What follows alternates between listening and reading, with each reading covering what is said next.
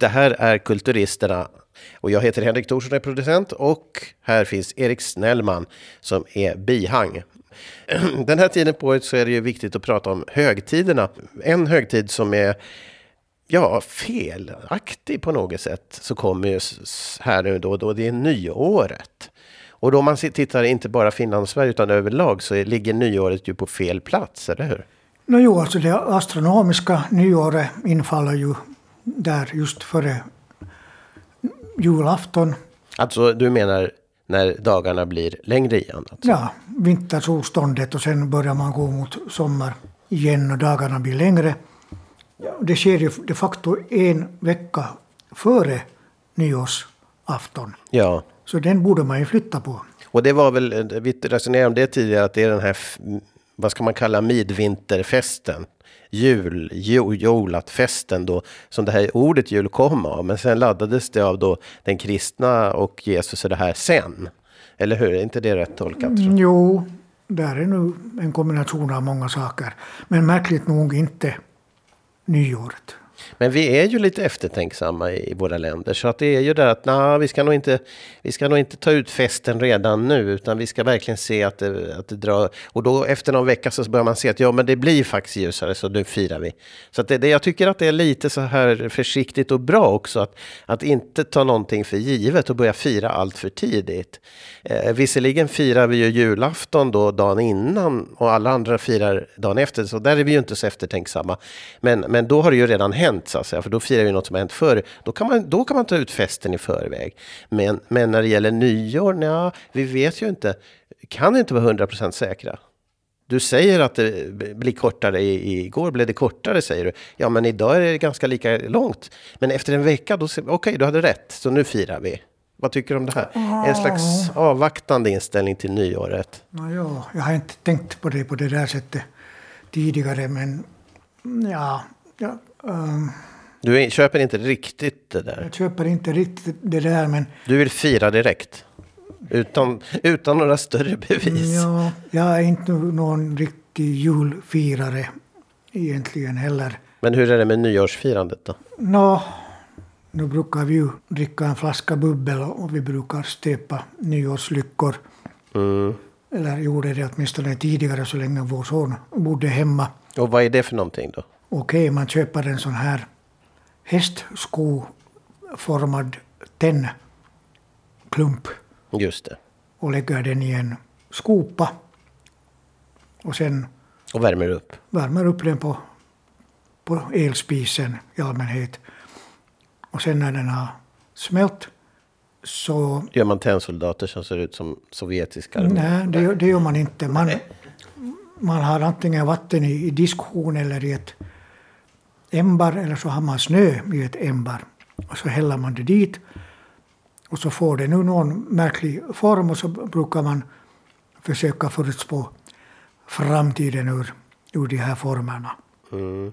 Och det brukar i allmän, allmänhet se ut som en kombination av en komet och en dinosaurie. Så det är ju egentligen samma sak varje gång. Men, men du som har sex års vetenskaplig utbildning, vad säger du om det här med nyårslyckor och spå i framtiden? Nå, ur vetenskaplig synvinkel så, så, så bryr jag mig ju inte om det, men det har ju varit en skojig tradition. Ja, är det barnen tycker det är roligt? Kan vi säga det? Ja. Men, men nyår i Finland, det är också en annan högtid som borde ha varit där. Så att flyttar vi nyåret till sin rätta plats det vill säga midsommar. Då borde det vara en annat firande på nyår, nämligen vad? Er självständighet, eller hur?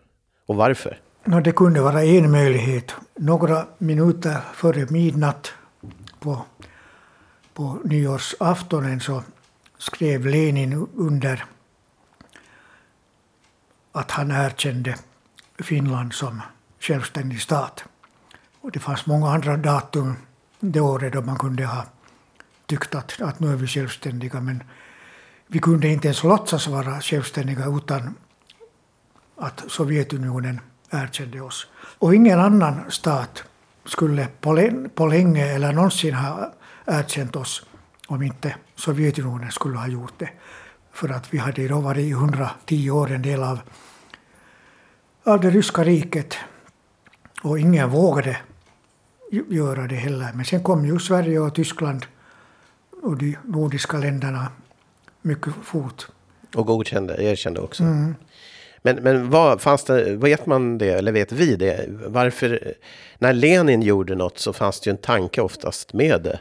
No, jo, det har ju skrivits flera hyllmeter om, om det, varför han överhuvudtaget gick med på att erkänna Finlands självständighet. I Sovjetunionen så firar man ju då, man avskaffar ju julen och så firar man nyår som man, man kallar det då för Fader Frost-festen. Ja. Så, att, så att det var ju en högtid i Sovjet? På sätt och vis, ja. Eller visst, jo. Men, äh, men det har då diskuterats som sagt mycket att varför erkände han Finlands självständighet samtidigt som han ju förde ett blodigt krig mot resten av den vita ryska armén. Och det var ingalunda klart att, att läget skulle stabiliseras på länge eller, eller överhuvudtaget någonsin.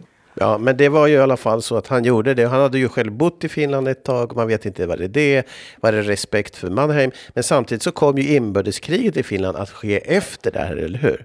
Ja. Där de ryssvänliga stod mot någon annan typ av tyskvänlighet. Ja, och om det här hade skrivits säkert flera, flera hyllkilometrar. Ja, och det är ju stora tider. Men bara för den som lyssnar ska tänka sig det att Finland blir självständigt då.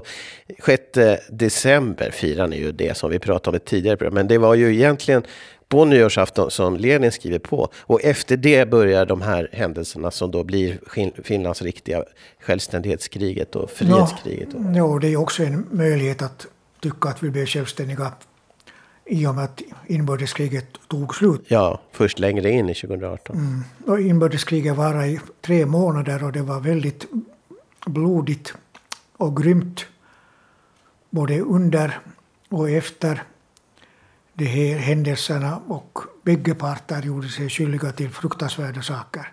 Mm.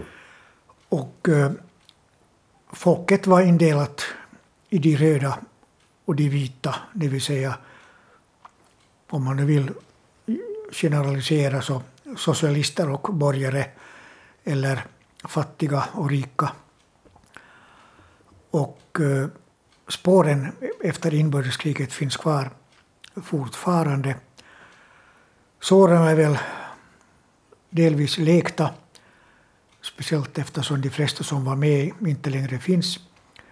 Men ärren finns kvar och de kommer fram då och då. När jag gifte mig med min hustru för 26 år sedan, eller, eller vad det nu är, så sa hon att hon några år tidigare aldrig hade kunnat tänka sig att gifta in sig i en slaktarsläkt, som det då hette på, på finska, eller på finska sa man lahtarisuku, men det kommer alltså från ordet slaktare.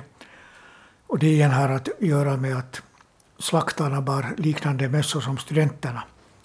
Och de flesta på vita sidan var studenter, eller många, medan man på röda sidan inte hade studenter. Och hade man så ville man åtminstone inte visa det. Så att slaktarsläkten här var alltså tillhörig till den vita sidan ska vi då säga? Och, jo, det är alltså mina, alla mina släktingar så, så vitt jag vet så var på den vita sidan. Eller så var de alltså oengagerade medan man på min frus sida var mycket engagerad och möjligen alltså våra far och morföräldrar skjutit mot varandra och dödat varandra. Ja, och det här med släkt kan man väl tillägga att det är ju inte heller säkert att det var så där. Utan det kunde ju faktiskt delas mitt i en familj också. Det kunde där det. ena brodern var det ena och det andra. Men det, en sak som vi inte nämnde senast, det var ju på, det, man borde ju göra det, eh, eller kanske inte, men det här med två ljus i fönstret som ni har på 6 december, det borde man ju då flytta till nyår i så fall om man hade självständighetsdagen där. Men ni gör ju det, eller gör ni det här i södra Finland också? Ja, ljus tänder folk ju nog, men att det skulle vara just två, det har jag aldrig hört talas om. Nej, det, det, är ju egentligen österbottnisk tradition, 6 eh, december tradition, därför att det var ju det man gjorde när jägaren under ledning av Mannerheim kom ju till Vasa. I Tyskland tränades de och sen kom de till Vasa via båt på båt. Och då när man skulle anlända till Vasa sägs det att man tände ljus i fönstren i staden för att de skulle hitta fram eller något så.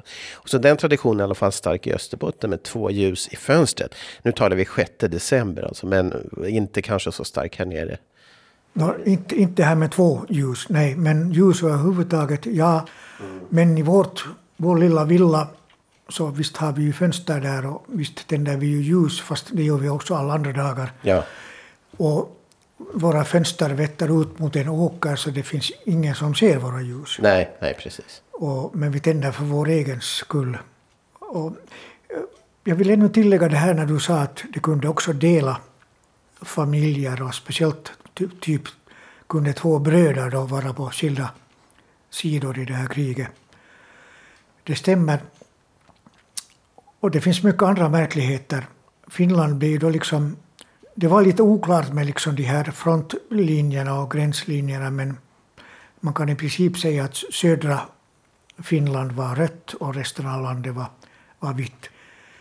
Och märkligt nog så gick posten över linjerna åt bägge hållen. Det var ingen som försökte hindra brevbärarna och posttågen att gå. Det, det låter ju inte som någon speciellt rationell krigsföring att man skickar brev av och an över linjerna. Nej. Men så här var det då. Ja, just det. Ja, spännande och, och mycket finns det att säga om det och det är ett ämne vi säkert får återkomma till när vi också kanske får med lite historiker här i våra program. Men vi ska säga någonting om nyår till och det var ju där vi började prata. Nyår som firas på fel ställe och självständighetsdagen som också firas på fel. Här kunde man göra en omflyttning, en effektivisering. Men vi har nyår där det är. Nyår börjar, eh, nyår är liksom gränsen mellan december och januari, så vi sitter med det. Och hur gör man då när man firar nyår i Finland? Är det något annorlunda? Är det hattar och glitter och hela det där? Eller vad är det? Tutor och grejer? Och... Säger man Happy New Year eller vad gör man? Det är väl ganska få som tar till engelska om, de inte, om inte deras modersmål är engelska. Eller, eller, eller hemspråk, ja. Kom inte med det där hemspråket för jag blir, jag blir galen. Men äh, man skjuter raketer. Just det. Och man dricker bubbel. Och man stöper nyårslyckor. Och de här raketerna som jag nämnde, så det är liksom en så här årlig... Det är ett årligt diskussionsämne och grälämne. Dels så finns det en massa krigsveteraner som blir tokiga eller blir arga när de hör de här smällarna. Och det respekterar jag. Jag tycker ju inte att man borde få skrämma dem min pappa var en av dem. Och sen finns det folk som är jättearga för att deras djur, hundar och hästar, blir rädda när det smäller. Och det, det har jag också förståelse för. Så nu finns det faktiskt på kommande småningom ett lagförslag om att man skulle förbjuda åtminstone större fyrverkerier. Bara små smällare och kärnstickor skulle få finnas kvar. Och får nu se om det går igenom eller, eller inte. Jag tycker att det skulle vara ganska skönt med lite mindre smällar. Däremot min fru och många andra tycker att det är jättefestligt när det smäller. För det är så dött och tyst annars i vår, vår lilla stad. Och så tycker jag att det är vackert med de här färgerna på, på himlen. Så det är nu som med så mycket annat här i världen att det finns flera, två eller flera sidor av det hela. Ja, men vi i Kulturisterna väljer absolut bara den ena. Jag väljer, men, jag, nej, jag väljer att inte välja sida. Ja, eller så väljer jag absolut någon. Men eh, det här med nyår, vad säger man? Gott nytt år, säger man så? Ja, fast det börjar ju egentligen redan där vid jultiden.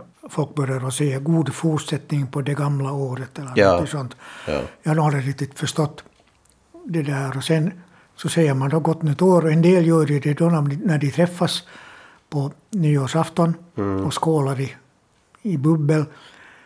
En del gör det följande dag, alltså nyårsdagen. Och en del fortsätter med det där hela januari månad om de inte har sett sin granne på en månad. Gott nytt år alltså? Ja, ja men sen finns det också de som som blandar ihop de här sakerna eller kombinerar då så att de säger god fortsättning he- hela januari månad. Ja, ja, det gör vi nog. Ja. Så man får väl säga som man vill. Men vad är det på finska då? Eh, God jul först Hyvää joulua, och sen gott nytt år. hyvää uutta vuotta. Ja, så det är huvud, huvud. Jag trodde det var onnea någonting där. Nå, nu kan man ju tänka sig en sån konstruktion också, men onnea låter, det är det som man brukar använda när folk har födelsedag. Alltså lycka till eller något sånt. Ja, onnea. Men nu kan man konstruera också en sån sak som onnea odelle vuodelle, lycka till med det nya året. Ja, men min farfar sa alltid en, eh, gott nytt år när vi fyllde år. Ah, Har du hört det någon gång? nej. Och det är ju intressant för att där kunde man ju tänka sig att han var ju lite mer inne på det här med jul då, när det verkligen blir nytt år. Nämligen Jesus föddes, då skulle det bli nytt år egentligen. Ett nytt år i tideräkningen går ju utgår ju från Jesus. Men det här är väl något fel i konstruktionen för att även det skulle väl ha satt Jesus födelse börjar ju hela tideräkningen.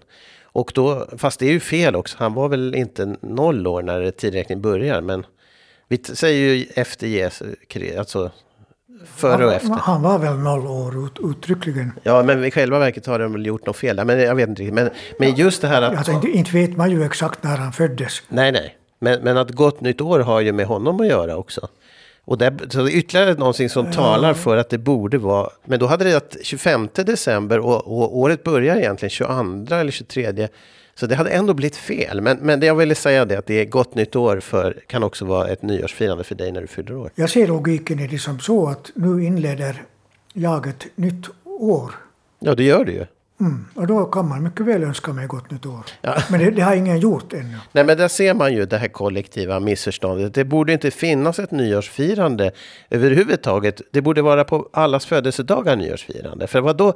Det är ju bara att låtsas att det börjar ett nytt år. För dig som är född, jag är född 25 november, jag firar inte ett nytt år sedan en månad senare. Eller hur? Så att det här med det här kollektiva nyåret, Och det är det jag tror att Lenin försökte befästa det på något sätt. Att vi har inga individuella nyår utan det är det här och därför skrev han på för er. Så ni skulle fira det där på nyår. Det gjorde ni inte det sen men Jag tror inte riktigt på det där. Nej men, men de här, själv- ditt nyår börjar ju själva verket när du fyller år. En månad före mig, eller hur? Ja, men alltså året och jag är ju ändå två skilda saker. Så att, Ja, vi har ju pratat om högtiden nu i flera avsnitt och, och jag tycker vi har kommit fram till att nyårsfirandet är en illusion, eller hur? Så att vi, visst, alltså alla dagar är ju lika mycket nyår. Eller whatever. ja, ja. Men eh, nyårs... Tycker att vi kan börja fira nyårsafton alla dagar. Ja, för någon fyller väl alltid år. Men man behöver inte fira andras nyår för det. Det är den här kollektiva eh, hang-upen. Men å andra sidan, jola, fest, jolat, jolo. Det är roligt med fest också. Man måste ha ett tillfälle att komma samman. Och nu har de gjort det här och det är helt fel. Nyåret ligger fel. Men vi får acceptera det och bara ha roligt och försöka ha kul. Och du får vara uppe ända till tolv och så här vidare. Det, Ja, finnarna har på sätt och vis löst det här problemet med att fira alla dagar, det vill säga, och då tänker jag på alla veckodagar närmast. Det är ju tradition att fira och festa när det är lördag och på fredag så firar man ju för att det följande dag är lördag. Det är liksom lördagsafton om man kan säga som så. vad heter det på finska? Nå, inte heter det... Nå, man kan säga att det är lauantain aatto. Men så firar man också på onsdag. Man kallar det för pikkulauantai, Ja, lilla lördagen. ja. Men sen kan man kalla måndagen för pikkulauantain aatonatto. Och det betyder ordagrant dagen före lilla lördagsafton. Som, och lilla lördagen alltså onsdagen. Och lilla lördagsafton tisdagen. Ja, och måndag är då dagen innan. Och det låter inte så logiskt det där på svenska, men på, på finska har man alltså ett uttryck atonaatto, som då är liksom aftonsafton, och det tillämpar man då på måndagar. Tisdagar då? Da- Dagen före? Ja, det- inte Firar man inte det då? Nå, jo, det kan man också, också göra, men det där är alltså ett sätt att, att förklara varför man festar en måndag. Ja, ja. Så att många fester blir det i Finland om man ska hålla på så här. Eh, och, och det kan man också se på lilla jul som ni har. Det måste vara från det finska det har kommit då? Nej, jo, det där är lite knepigt för att finnarna firar något som de kallar för pikkujoulut. Men det är inte det som man på svenska menar med lilla jul. Utan det är väl något som egentligen borde heta den årliga personalfesten på firman. Ah, ja, julfesten alltså. Mm, men den firas man i allmänhet före jul, typ november, december. Ibland efter julen till och med. Folk vet inte alltid riktigt vad de talar om Ja, men lilla han, jul? Jag menar, du, du, kan få en sån fråga som att han har haft lilla jul redan. Ja, just det. Och vad då? Det är ju första advent. Ja, för, för, för, när vi kommer till den delen så är, kallar ni det för lilla jul som är typ första advent? Ja. Och, det, och vad gör man då? Liksom? Ja, man brukar, barnen får typ en julklapp. I förväg? Ja. Okej. Okay. I strumpor eller? Men inte har vi några strumpor. Men det är inga julbockar eller så? Nej. Nej, det är nog bara, det kan, jag gissar att det är nog godis typ. Ja. Men, men är den, finns den lilla jul, är det bara på svenska i Finland då? Jag tror det. Och då, då är det här Pico, som betyder samma, Picojola, då är det mer den här firmafesten. Ja. Julfesten. Men, men man har ju också julfester på jobben. Och då säger man också lilla julsfest. Men själva lilla jul är då den här dagen advent, första advent. Men, men man säger också lilla julsfest på jobben. Gör man inte det på svenska också? Där jag jobbade i 30 år, där sa man julfest. Ja, julfest. Till exempel på Fiskartorpet. Och vi jo, men det kunde vara i oktober. Och då hette det nog... Firmafest kanske? Bolagsfest? Ja, det varierar nog lite genom åren och sen när vi dessutom hade två språk att tänka på så det blev lite knepigt ibland. Men sen, det blev lätt sen när det blev neddragningar för då ställde man in festen. Mm. Förra avsnittet så fick vi ju den här Eh, berättelsen om när du var liten och var i Danmark på besök och träffade en pojke i sandlådan. Den första gången du inte förstod vad någon sa så kom han fram och tog din spade eller vad det var. Ja, det var en chock. Inte så mycket det här att han tog min spade, för det hade jag varit med om i, i sandlådan också i Finland. Men det att han sa någonting som jag tyckte att lät som... Mm, mm, mm, och jag upplevde det som en förolämpning, en kränkning och ett, en kulturchock.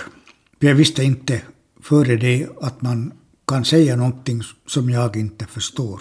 Du berättar också lite andra eh, saker om Danmark, nämligen en serietidning som du lärde dig läsa på danska innan du lärde dig läsa på svenska faktiskt.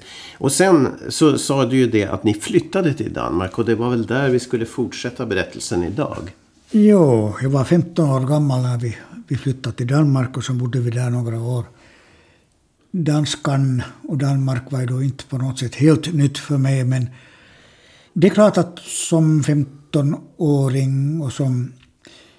Det är ju viktiga år vi talar om. Jag vet inte om jag nu vill använda sådana dramatiska termer som formativa år och det ena och det andra. Men visst var det viktiga år. Men jag hade ju inget emot att flytta till Danmark för jag var alltså mobbad i skolan och vantrivdes med nästan allting i livet.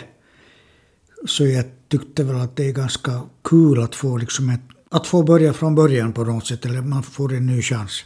Eller någonting sånt. Om jag nu tänkte överhuvudtaget. Men, men så var det. Jag hade faktiskt övat mig på danska. När jag visste att vi skulle flytta dit så hade jag läst Jules Vernes En världsomsegling under havet på danska. Och med hjälp av en ordbok som nu inte behövdes så många gånger men det är nog väl typ hundra ord som skiljer svenskan och danskan så där i skrift att man faktiskt måste kolla att hej, vad betyder det där?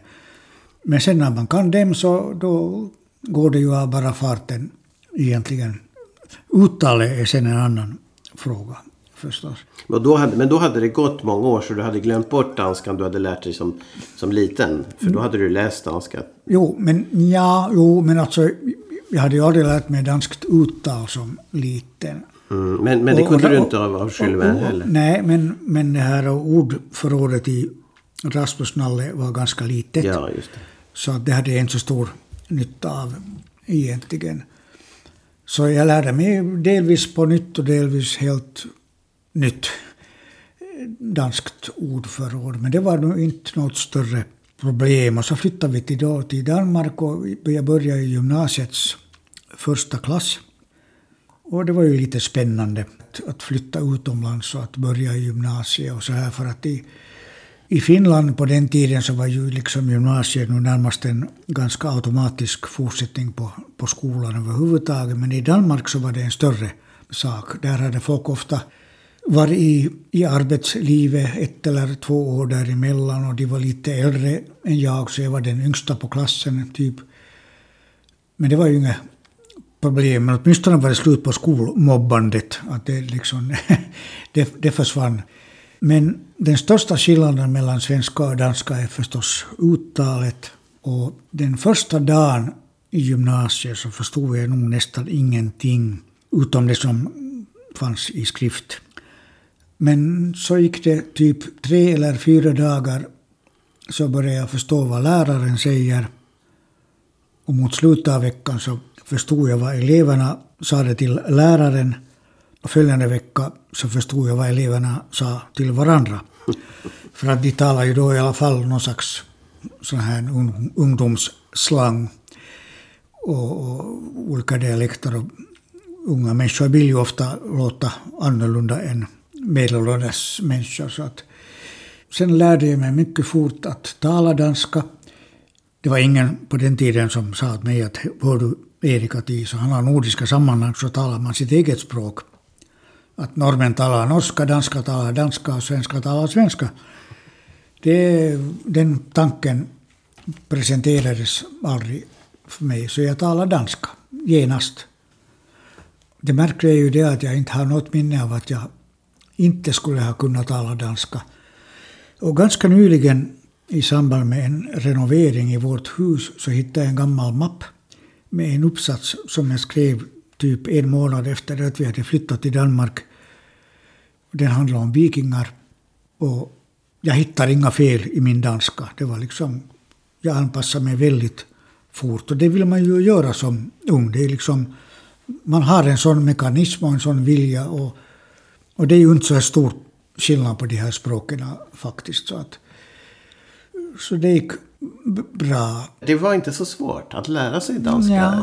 Det är någonting, du hittar en nyckel där. Ja, alltså dels var jag ju ganska ung. Mm. Man brukar säga att barnets språkinlärningsförmåga försvagas vid 12 års ålder eller efter, snart efter det. Och det kanske det gör, men nu fanns det kvar någonting av det i alla fall som, hos mig som, som 15-åring. Och sen hade jag en enorm lust att passa in. Men eh, det fanns också andra intressanta aspekter. Det var alltså en internatskola. Och jag bodde visserligen hemma och det bodde kanske hälften av eleverna på klassen. Men det fanns då en internatskola, där bodde folk från olika håll i Danmark och från Grönland och Färöarna och England och Frankrike och USA. Så jag hörde många sorters danska. Jag liksom insöp allt det här samtidigt på något sätt. Så min danska blev aldrig varken köpenhamnsk eller bikrösk, mm -hmm. där jag bodde, utan blev, blev någon slags allmän, allmän danska, kan man väl säga. Men jag hade ju nytta av det här sen när jag typ tio år senare fick jobb på YLE. För det var då när man körde igång med Nordvisions programutbytena på allvar. Och det behövdes folk som kunde översätta från danska och norska. Och visst fanns det ju folk, många människor som kunde med hjälp av en ordbok översätta från danska, åtminstone om de hade ett manuskript att gå efter. Men sen när de råkade ut för en punkare i Christiania utan manuskript, eller en sydjylländsk bonde utan manuskript, så då förstod de ju ingenting. Och jag hade ju haft ljuva alltså jyllänningar på, på klassen. Jag förstod mycket väl vad de sa, de här bönderna. Det, jag hade lika lätt att förstå någon som var från Esbjerg eller Härslöv som från Köpenhamn. Ja, så det var liksom en inkörsport till mångt och mycket den här danska grejen. Och sen då som 15-åring så kom jag alltså från Grankulla. Visserligen var jag skolmobbad men annars var det ju en ganska trygg och liten tillvaro, om man kan säga på det sättet. till exempel i skolan, i historieundervisningen, så, så talar man ju mest om kungarnas årtal och, och krig och, och, och, sånt. Sen när jag började då i danskt gymnasium så det första jag råkade ut för var en kurs i källkritik. Och det var en aha-upplevelse på många sätt. Dessutom så råkade det vara så att den här skolan var mer eller mindre marxistisk. Inte liksom officiellt på något sätt, men de flesta av lärarna var unga marxister eller väldigt vänstersinnade. Det kan man ju säga mycket om. Det var i alla fall annorlunda än, än Grankulla. Det gav en annan synvinkel på, på saker och ting. Så det var inte en diplomatbarnskola då? Den här? Nej, jag var nog, tror jag, det närmast, det som kom, den som kom närmast att vara diplomatbarn. För min pappa var ju ett slags diplomat då. I nordiska sammanhang? Ja. Och jag tänkte på det för oss som inte har det här danska från sandlådan som du har ändå. Eh, vi tänker fel, för vi tänker när vi hör danska att det är andra ord. Men det är inte andra ord, det är samma ord, det är bara uttalat. Är inte det det som är nyckeln? Mm, det är nyckeln, ja. Mm. Men när man lär sig det där systemet, och som barn gör man det ju väldigt fort, så mm. då efter det så... Alltså man behöver inte lära sig alla 200 000 ord på nytt, utan man lär sig det här mönstret. Och jag brukar säga att efter de där två, veck, två första veckorna i, i, i gymnasiet i Danmark så då jag lärde mig att förstå alla sorters danska egentligen och i alla situationer. Så efter det har jag ju inte egentligen kunnat förstå vad folk menar när de säger att danskan är så svår. Mm. Det vill säga, jag förstår ju nog men jag kan inte liksom uppleva den här känslan för att det, det bara försvann. Puts väck. Ja, kan man något så kan man något. Eh, men så enkelt är det inte med finskan som man kan tro när man bor i Sverige. Att det är någon slags dialekt. Ibland så tror man ju att den som kommer från Finland till Sverige och pratar svenska.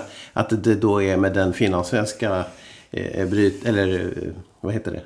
Den finlandssvenska eh, melodin. Att det där är finska tror ju många. Men så är det inte. För i det fallet är det olika ord, ett annat språk helt klart. När jag var ung så kände jag en lika ung kvinna som kom från Liljendal nära Lovisa i Finland. Och hon emigrerade till Göteborg, tror jag det var. Och eh, hon började jobba på Volvo. Och hon körde en sån här taklyftkran, vad det nu det har säkert något annat namn också, men det är nu det bästa jag kommer på just nu. Hon blev väldigt upprörd när hon kallades för den där finskan. För hon var ju inte finsk, hon var ju svensk. Hon var svenskspråkig från en, totalt svenskspråkig kommun och hennes föräldrar har talat och släktingar svenska i tusen år. Så hon såg inte det där finska. Men hon insåg också att folk trodde ju att hon talade finska eftersom det, hennes svenska inte lät riktigt som den man talar i Sverige. Mm. Nej, precis. Ja, vad intressant. Hon kom från Liljendal. Det ligger alltså eh, i närheten av Lovisa, som vi har talat om tidigare. Och eh, Liljendal, det är ju nästan, vi pratade förra gången om poesi, att po, po, diktorten eller diktbyn eller poesibyn. Och, och, när man hör Liljendal så tycker man nästan det är som hämtat ur en dikt faktiskt. Ja, och det är det ju på sätt och vis för att nu har Liljendal gått upp i Lovisa som, som kommun. Men ännu för några år sedan så hade de sitt eget kommunvapen och där finns några, fanns några liljor. Men eh, det, det är ju helt sympatiskt och, och estetiskt och, och, så här men det är ändå bara bluff. För att det här namnet har ingenting med liljor att göra egentligen. Åtminstone inte finländska liljor. Det väldigt vanligt namn i, både i Finland och i Sverige och i Norge, det här Liljendal eller Liljental. Och det har att göra med ett kloster som fanns i Tyskland någon gång för länge sedan. Som har givit namn åt, åt andra orter på många håll i, i Skandinavien. Och om Liljendal skulle vara riktig svenska så skulle det ju heta Liljedal. Och inte något en där mitt i. Det är där poesin kommer in. Men, men menar du att det fanns koppling till klostret eller var det bara ett vackert namn som man plockade? Ja, det, språkforskarna säger att det är ett så kallat vandringsnamn. När man anlade nya gårdar och gods och kanske till och med kloster så tyckte man att det var ett lämpligt namn det här Liljetal. Det var ett känt storgods i Tyskland. Jag menar, när, man, när man säger ordet kloster så Började folk kanske att tänka på munkar och nunnor och så här. Visst fanns det ju där, men det var ju fråga om en industri. Stora odlingar, mycket pengar och, och så vidare. Ja, just det. Och själva gården Liljendal ägdes ju av general Armfelt under Karl XIIs tid. Och jag vet inte om det var då det fick sitt namn, men det kan ju vara möjligt. Men där fanns i alla fall en gård som numera endast är ruin. Eller ja, det är inte ens ruiner, det är bara en liten stenfot kvar. Vid gillestugan där. Jag, jag tror att den fick sitt namn just då faktiskt. Jag hade en gång två unga kollegor på YLE som berättade för mig att de ska till Liljendal kyrkoby och göra någon intervju. Mm -hmm. Jag var inte alls elak mot dem, men jag sa att jaha, och ni vet var det är? Nå, det måste ju vara mitt i kommunen Liljendal. Så sa jag att ja, där finns nog en kyrka, men orten heter inte Liljendal kyrkoby eller någonting annat sånt heller, utan heter Sävträsk. Aha, sa de. Där finns alltså ett träsk som heter Sävträsk. Så var jag tvungen att säga till dem att mm, ja, de som bor där kallar det för Hemträsket. Ja, men de blev säkert goda journalister i alla fall. Men det, det, troligtvis var Liljendal har ju inget då med orten, eh, kyrkorten att göra. För det, det är antagligen med den här gården det har att göra. Och, och, det har sen blivit en kommun en gång i tiden. Då Sävträsk var inte en kommun utan var det kyrkan i Liljendals kommun då? Ja, nej, du hade helt rätt att det var på sätt och vis gården som växte till en, en kommun. Ja. Men, men Armfelt, general Armfelt själv har vi hittat hans grav en gång och det var i Pärnå kyrka det som är en bit därifrån. No, jo, men Liljendal var ursprungligen en del av Pärnå. Just det. Och han hade dessutom en annan gård i Isnäs som ligger bortanför där, eh, viken där. Men okej, okay, vi har pratat i Kulturisterna om en massa olika traditioner och vi har pratat om ortnamn och hela årets serie kan du lyssna på på totalmedia.com. Där hittar du alla våra program som börjar bli nästan 20 snart. Och eh, där kan du lära dig massor och du kan få frågor som du kan skicka till oss. Genom att lyssna så får du nya frågor och vi får nya uppdrag att lösa dina problem kring kultur i Finland, kring kultur i Sverige eller vad du vill. Erik Snellman, experten, och jag, Henrik Thorsson, bisittaren. Man märker att du har studerat juridik. Ja, det har jag faktiskt. Han har helt rätt här, Erik Snellman. Jag kan erkänna att jag har gjort det. Eh, så att om någon vill anställa en jurist så är jag öppen för, för förslag. men, men vi önskar i alla fall Eh, ja, lite motsträvigt för vi anser att nyåret redan är passerat med någon vecka. Men vi önskar ett gott nytt år från Kulturisterna och Folk i Finland. Gott nytt år Erik Snellman. God fortsättning Henrik Thorsson.